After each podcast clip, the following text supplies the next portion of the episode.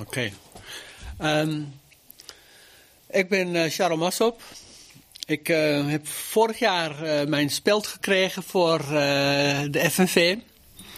Dat ik 40 jaar trouw kaderlid was. Die heb ik niet alle 40 jaar ehm, op een revolutionaire manier doorgebracht, maar wel altijd met in het achterhoofd van dit moet tot meer leiden. de grootste tijd van mijn werkzame leven heb ik doorgebracht op de Hoogovens in Muiden. Uh, daar ben ik ook uh, zeer actief uh, vakbondskaderlid geweest. Daar ben ik na verloop van tijd, 20 jaar, heb ik daar volgehouden, ben ik daar ontslagen. daarna heb ik een aantal andere dingen gedaan. Vanaf 2013 ongeveer ben ik weer heel erg actief geworden. Ook in de uh, vakbeweging. Hebben toen, ik heb toen uh, echt deelgenomen aan uh, de strijd voor de zorg. Uh, zeer actief op lokaal gebied.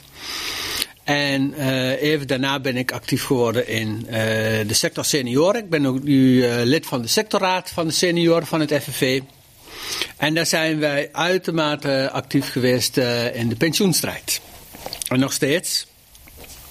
Ondanks inderdaad veel tegenwerking van ehm, de FNV zelf. Maar goed, ehm, dat laten we allemaal maar een beetje buiten beschouwing. Uh, we kunnen daar nog wel op terugkomen. Ik kreeg de vraag van jullie eigenlijk van uh, wat is de noodzaak van de uh, vakbeweging? En een tweede vraag is, kun je dat ook een beetje in een geschiedkundig historisch perspectief plaatsen? Ik heb dat globaal uh, geprobeerd te gaan doen. En als eerste ben ik inderdaad na, uh, uh, bij mezelf nagegaan. Van wat is nou eigenlijk de motivatie geweest om echt ook als socialist in de vakbeweging actief te worden?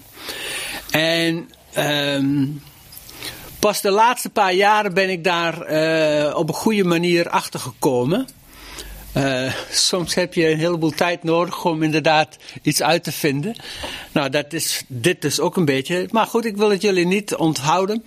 Het was Karl Marx zelf op uh, het uh, oprichtingscongres van de eerste Workmen's Association, de eerste internationale, die daar gezegd heeft. De emancipatie van de werkende klasse moet, beperkt, moet bereikt worden door de werkende klasse zelf. En dat is het idee achter uh, mijn uh, idee. Um, daar is later trouwens ook, dat is uh, wel een aardige discussie. Ook door Domela Nieuwenhuis is daar een aardige discussie over geweest. Hij heeft daar correspondentie gevoerd, over gevoerd met, uh, met Marx. Maar Marx was een beetje geïrriteerd uh, toen. Het was in 1882. Hij had heel wat andere dingen en had niet zo zin in uh, die discussie met uh, Domela Nieuwenhuis. Want ja, er waren een heleboel persoonlijke problemen. En dus een jaar voordat hij overleden is, Marx ook dus had iets heel anders aan zijn hoofd. Maar het mooie van Domela Nieuwenhuis is wel dat hij zelf daar uh, op teruggekomen is eigenlijk. En bij het oprichten van de, de Sociaal-Democratische Bond in, uh, in Nederland, en dat is in Groningen gebeurd, heeft hij dus uh, dit citaat eigenlijk in iets andere uh, bewoordingen, heeft hij dus van Marx overgenomen. En dat staat nu nog steeds op een maquette in Groningen, dat kun je nagaan kijken. Op het internet kun je dat vinden. En daar staat dus op, inderdaad, overwegende dat de emancipatie van de arbeidersklasse het werk van de arbeidersklasse zelf moet uh, zijn. Dus Domela Nieuwenhuis had wel een beetje begrepen van waar het over ging. Nou, dat is dus eigenlijk de motivatie. Uh, Mark zelf heeft daar eigenlijk nooit zo erg uh, bij stilgestaan. Hij is, toen hij pas in Engeland was, is hij door ehm, uh, Friedrich Engels wel meegenomen naar Manchester toe, want die had een aantal fabrieken daar. En uh, Friedrich Engels vond dus dat hij maar eens even moest gaan kijken van hoe dat in de fabrieken zelf uh, toeging. Hij is daar wel geweest, hij heeft daar rondgelopen, hij was wel onder de indruk. Maar hij was blij dat hij weer terug kon naar, naar Londen en heeft hij daar gewoon zijn studie verder volbracht en het kapitaal geschreven, et cetera. Maar de gedachte nog steeds was wel belangrijk. en de gedachte is van, als je dus daadwerkelijk een samenleving wilt veranderen, wat wij als socialisten willen, dan heb je dus daar de factor voor nodig die eigenlijk het belangrijkste is in dit geheel, en dat is de arbeidersklasse zelf. En niet een substituut daarvan of een vervanging daarvan, de arbeidersklasse zelf. Nou, dat geeft natuurlijk direct het grote probleem aan waar je voor staat. Van, ja, als je ook nu naar die arbeidersklasse kijkt, van ja, veel mensen zeggen van er bestaat helemaal geen arbeidersklasse meer of we hebben geen arbeidersklasse meer. Um, dat maakt het dus uh, gecompliceerder en moeilijker. Plus het feit dat uh, ja, die arbeidersklasse heeft ook een geschiedenis doorgemaakt. En daar komen we dus bij de tweede vraag eigenlijk. Van hoe je eigenlijk uh, of misschien wel meer de, de vervangers eh, van de arbeidersklasse, hoe die eigenlijk met die arbeidersklasse omgegaan uh, zijn. In het begin van, uh, die, die, hele problematiek is gestart in het begin van de 20e eeuw in Duitsland.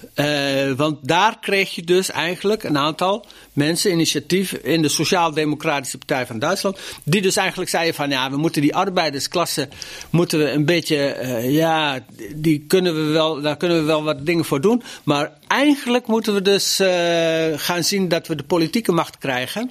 En niet zozeer door uh, een revolutie of door een strijd, maar door uh, mee te gaan doen in. Um, in um, het idee van uh, dat je dus uh, politieke macht krijgt door, uh, door, door meer stemmen te gaan halen. En daar hadden ze dus wel de arbeidersklasse voor nodig. Die was toen ook nog sterk. Dus zij dachten van nou die stemmen wel op ons en dan kunnen wij dat gaan veranderen. Daar zie je het idee van substitutie ontstaan. Een verlichte voorhoede, een verlicht iets dat inderdaad uh, de rol van, uh, van de arbeidersklasse over gaat nemen. En ook een beetje betuttelend gaat zeggen van wij doen het wel voor jullie. Gaan jullie maar lekker, uh, blijf maar rustig werken. Gaan we lekker slapen. Wij gaan het voor jullie regelen. Nou, daar is dus helemaal niks van terechtgekomen. wij noemen dat het, het, het reformisme, het revisionisme. Um, en uh, dat is dus ook fout gelopen. Maar later in de geschiedenis, als, en dan hebben we het uh, over uh, de, vooral de twintiger jaren. En misschien zelfs wel na de, twintiger jaar, na de oorlogen, de veertiger jaren, vijftiger jaren. Daar zie je wel dat idee van eigenlijk dat die arbeidersklasse ontzettend belangrijk is, dat dat aan teruggekomen is. En uh, daar zijn toen ook een heleboel vakbonden zijn daarmee bezig geweest. De communisten zijn er bijvoorbeeld bezig geweest om de EVC uh, op te zetten. Uh, de revolutionair socialisten zijn bezig geweest bijvoorbeeld om het NAS op te richten, het Nationaal Arbeidssecretariaat. Dat was een revolutionaire vakbond, was dat eigenlijk. En ook uh, de FNV zelf, die was eigenlijk best wel bereid en genegen om te gaan nadenken, en dat was toen nog het NVV en het NKV, om na te gaan denken over van hoe je uiteindelijk het bedrijvenwerk op een goede manier uh, kon opzetten. En dan kom je dus heel dicht bij eigenlijk het idee van wat Marx eigenlijk uh, zei van de emancipatie van de werkende klasse moet bereikt worden door de arbeiders, door de werkende klasse zelf. Dat betekent dus dat je gaat organiseren. Dat je dus bezig gaat om in die vakbeweging inderdaad mensen in beweging te krijgen. En uh, enthousiast te gaan krijgen en mee te gaan uh, nemen in uh, die um, strijd. En op zich is dat altijd wel redelijk goed gelopen eigenlijk. Ik weet nog zelf van mijn soldatentijd. Ik was uh, dienstplichtig uh, soldaat. En daar deden we dus dat idee ook. We hadden toen de VVDM nog. En uh, dat was dus inderdaad een vakbeweging van echt soldaten. Wij gingen de kamers op en we gingen leden werven. En we hadden succes, want we worven inderdaad. De organisatiegraad was toen 60, 70, 80 procent soms. En we voerden acties en daar deden de soldaten aan mee. En dat leefde natuurlijk ook wel heel veel verzet en strijd op, maar dat werkte wel op zoda als zodanig. Toen ik daarna inderdaad dus bij de hoogovens ging werken en erachter kwam van ja, uh, daar was een sterk vakbondswerk uh, georganiseerd, maar uh, dat was echt op zijn retour. toen kreeg je dus wel weer het probleem eigenlijk waar we nu nog steeds meer voor staan. En dat is begonnen begin jaren 80. Het eikpunt wat daarvoor aangehaald wordt is het akkoord van Wassenaar eigenlijk. En het heeft twee achtergronden. Enerzijds was dat een akkoord tussen de vakbeweging, de sociale partners de, en ook de politiek om inderdaad de crisis te lijf te gaan door een aantal maatregelen in ruil voor ehm, dat de vakbeweging geen verdere looneisen zou stellen. Of dat zich in zou beperken. Maar wat daar dieper achter zat, was eigenlijk dat de vakbeweging zich dus meer ging oriënteren op ehm, wat Ehm, de uh, overheid eigenlijk moest doen. Dus eigenlijk meer op, uh, op het kapitaal uh, zelf. En een tweede belangrijk aspect is dat eigenlijk het kapitaal zichzelf ook ontwikkelde. En dat betekende eigenlijk dat je hele andere organisatiemodellen ging krijgen, ook over hoe de productie uh, georganiseerd werd. Je had, vroeger had je inderdaad het, dat noemden ze dan het Tayloristisch model eigenlijk. En dat was vanaf begin 20e eeuw was dat eigenlijk het model voor een hele strakke organisatie met een hele enorme arbeidsdeling eigenlijk. Ehm, je had dus een hele differentiatie aan uh, functies. Uh, op de hoogovens was je bijvoorbeeld eerste kraandrijver of je was uh, apart heftruckchauffeur of je was bedieningsman in, in, in, ehm, in een fabriek of je was bankwerker of je was zat op de trein. Maar er waren allemaal verschillende functies.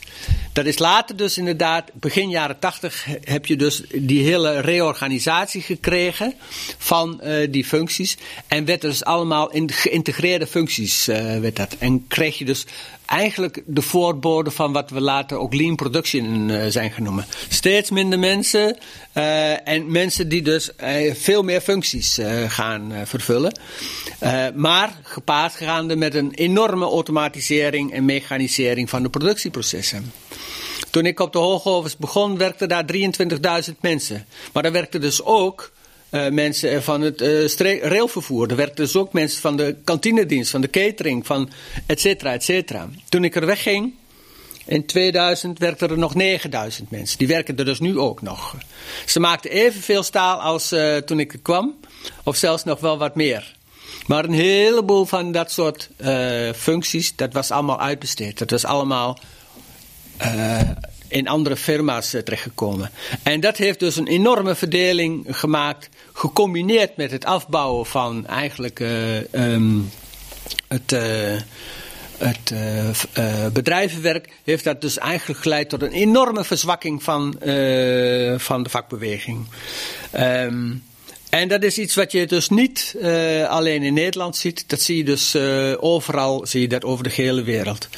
Ik heb nu net een stuk uh, weer gekregen van, uh, van Marcel van der Linden. Die uh, is hoogleraar arbeidsverhoudingen altijd geweest in, in, ehm, in Amsterdam.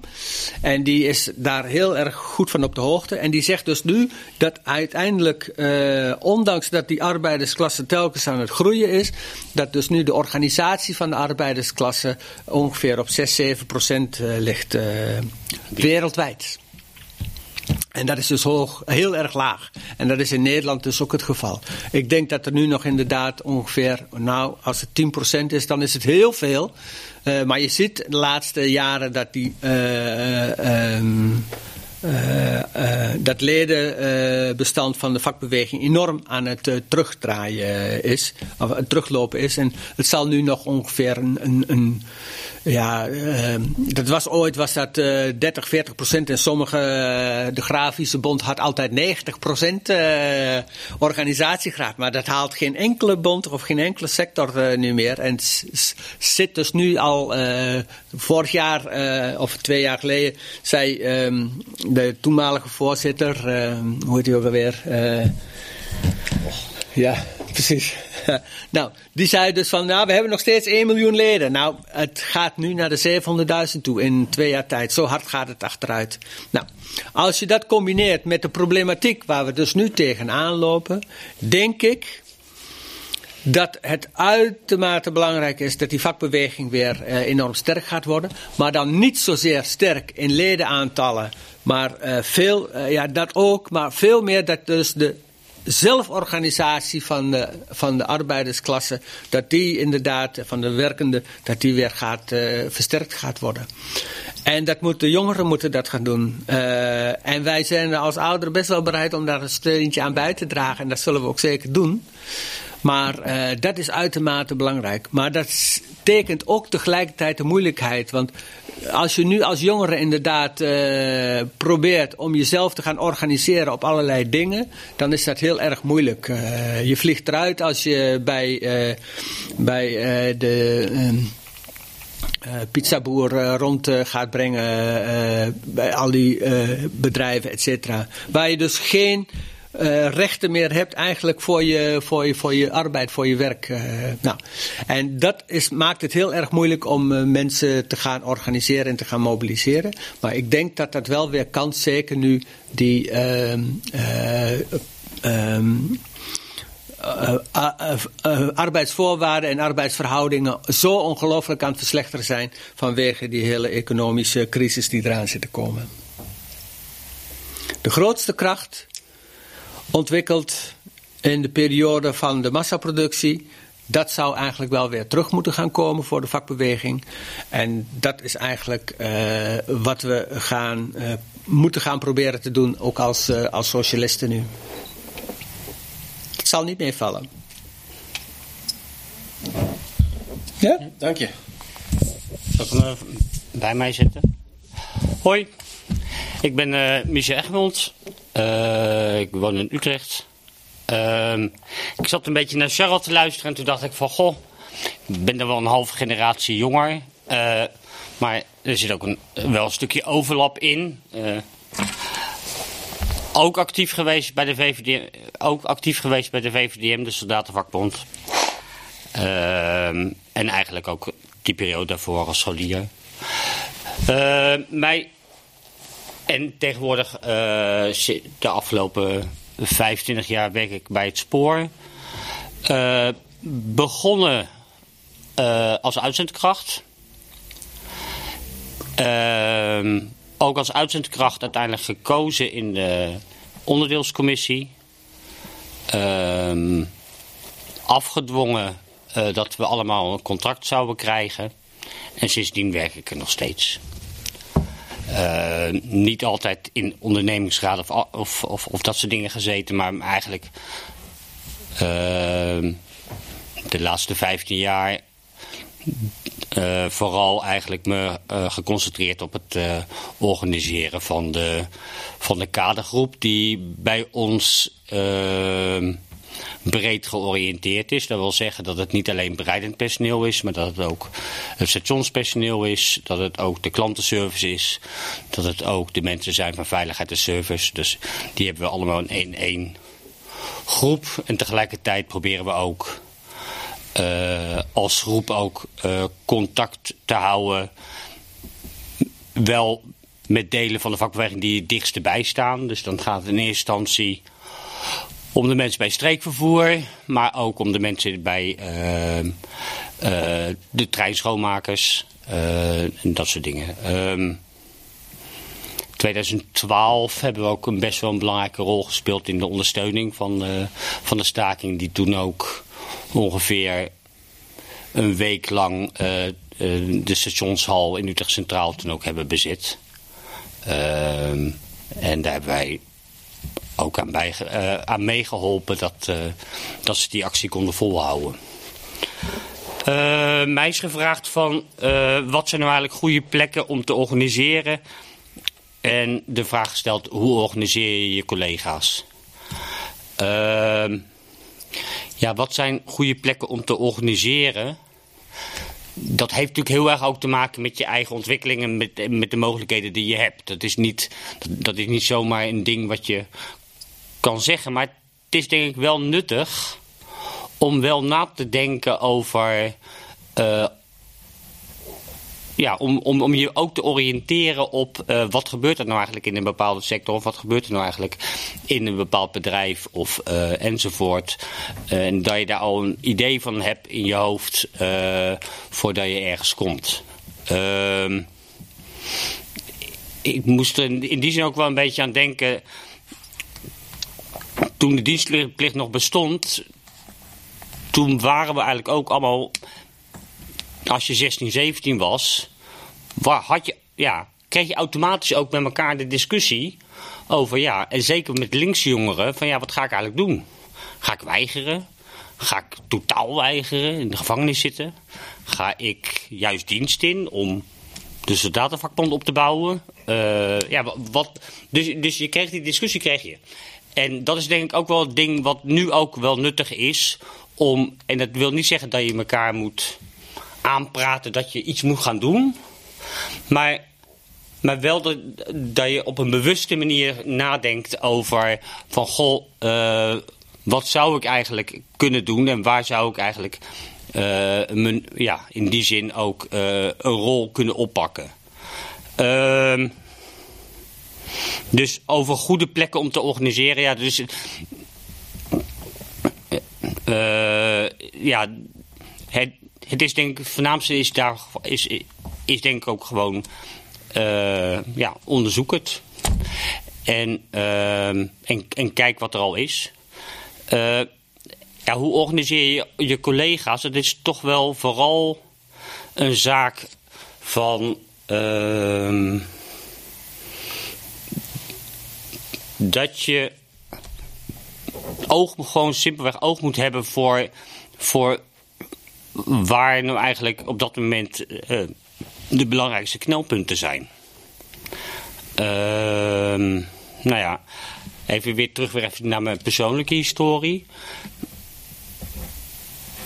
Um, en dat geldt voor heel veel jongeren tegenwoordig ook. En dat is namelijk dat ze in flexibele banen, in uitzendcontracten en dat soort dingen uh, naar voren komen. En wat dan heel erg belangrijk is, is dat, uh, dat je niet in eerste instantie zeg maar heel erg. Je hoeft niet in eerste instantie heel erg bezig te zijn met je moet allemaal lid worden van een vakbond en dit en dat en zo en zo. Maar het gaat er meer om dat je, dat je een vorm van zelfvertrouwen weet. Uh, ja, dat zaadje weet te planten van. En dat hangt heel erg af van, van de situatie waarin je zit. Uh,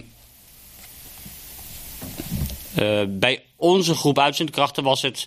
Kijk, bij het spoor heb je... Ja, er is geen uh, school die je, tot school die je tot spoorarbeider opleidt. Dus alles, alle opleiding is ook allemaal bij het bedrijf zelf. Dat betekent dus dat het bedrijf ook een behoorlijke investering in al die uitzendkrachten ook, ook heeft gedaan. Dus dat het in die zin dus ook best wel wat kost om... Uh, ja, om een uitzendkracht ook weer zomaar weer op straat te zetten. Dat, dat is anders dan bijvoorbeeld bij een pizzacourier. Want die hoef je alleen maar een fiets te geven. Ja, je gaat maar fietsen. Oké, hij moet ook de weg weten. Dat is ook wel handig. Maar da, daar, dus, daar zul je dus andere dingen dus moeten zoeken. Van hoe ga je daarmee om? En uh, hoe we uiteindelijk... Uh, hoe heet nou die strijd gewonnen hebben om, uh, om hoe heet nou, uh, die contracten uiteindelijk met z'n allen te krijgen, is uiteindelijk, ja, uiteindelijk is dat een combinatie geweest van het ontwikkelen van bewustzijn over mensen hun eigen kracht en over hun eigen positie. En daar speelde die campagne voor de onderdeelscommissie speelde daarin mee. Want het was voor het eerst dat er überhaupt iemand het lef had om zich kandidaat te stellen. En toen bleek ook nog eens een keer dat uh, ja, eigenlijk de helft van het personeel die allemaal uitzendkracht waren... ook nog eens een keer allemaal stemrecht kregen. Nou ja, toen was het bedrijf ook wel helder van... Mm, dit gaan we niet zomaar tegenhouden, zeg maar. Uh, en daarbij toen ze het nog, vervolgens nog heel erg op de lange baan uh, schoven, uh, uh, de omzetting van, van de contracten. is dat we uiteindelijk toen ook gewoon collectief hebben gezegd van... ehm, als niet voor die en die datum eh, die afspraken zijn gemaakt over die contracten... dan nemen wij massaal ehm, verlof op tijdens de hoogzomer. Eh, je moet dan bedenken, bij het spoor mag in de hoogzomer over het algemeen... één op de zes mensen mag tegelijkertijd vakantie nemen... En als de helft van je personeel uit uitzendkrachten krachten bestaat, dan heb je dus echt wel een probleem als die allemaal zeggen van we gaan allemaal tegelijkertijd vakantie nemen. Want wij vallen namelijk niet onder jullie regeling. Want jullie vinden dat wij uitzendkracht moeten zijn. En, en wat, wat dus wil zeggen is, is, is dat het soms ook heel erg situationeel is. Het is dus heel erg inspelen op de dingen waar je, waar je dus eigenlijk. En, maar waarin je ook je kracht kan vinden. En waarin je ook kan zien van uh, daarop kunnen we juist dingen voor elkaar krijgen die, uh, ja, die anders niet zijn. Uh, ten aanzien van vakboswerk, ik denk dat het allerbelangrijkste is uh, het basisvakboswerk. Dus gewoon op de werkvloer zelf. Ehm, daarnaast zijn er natuurlijk ook allerlei instituties, hè, de sectorraden, de, al, die, al die van zaken. En die zijn nodig, want, want het is, de vakbeweging is uiteindelijk een vereniging. Uh, maar het is denk ik wel nodig om die basisorganisatie, zeg maar, uh, eerst opgebouwd te krijgen en vanuit daaruit, zeg maar, in dat soort posities te komen, dan dat je heel erg probeert om in dat soort posities te komen en daarmee denkt uh, de zaken te kunnen gaan veranderen. Uh, hè, om, omdat er dan wel de goede mensen in zitten. Het, het, het, gaat er in eerste instantie om, om dat basiswerk te doen. Tweede wat denk ik van belang is voor socialisten... is om te kijken hoe je zeg maar, de verschillende soorten strijd zeg maar, aan elkaar kan verbinden. Dus hoe je kan, ervoor kan zorgen dat, dat, uh, ja, dat, dat strijd niet geatomiseerd is, maar dat mensen gewoon zien van deze schoonmakers, dat zijn ook onze, dat zijn ook gewoon mensen net zoals uh, jij en ik. En we helpen hun ook in hun strijd, want als wij alleen maar voor onszelf zeg maar aan het knokken zijn, alleen maar onze eigen CAO proberen goed te krijgen. Uh, ja, dan loopt wellicht die CAO voor ons, die loopt op een gegeven moment zo ver voorop. Of die verschilt zo ontzettend met wat er in de, in de rest van de CAO's gebeurt. Uh, ja, dat het eigenlijk voor onze werkgevers steeds makkelijker wordt om te zeggen van ja, die verwende spoormensen, die moeten nu eens een keer hun mond houden. want het is natuurlijk altijd als wij überhaupt maar het woord staking in de mond nemen, dan staan gelijk de kranten vol van uh, hoe, uh, hoe egoïstisch en asociaal wij zijn. Uh, ja, dus, dus daar, daar heb je altijd mee te spelen, zeg maar.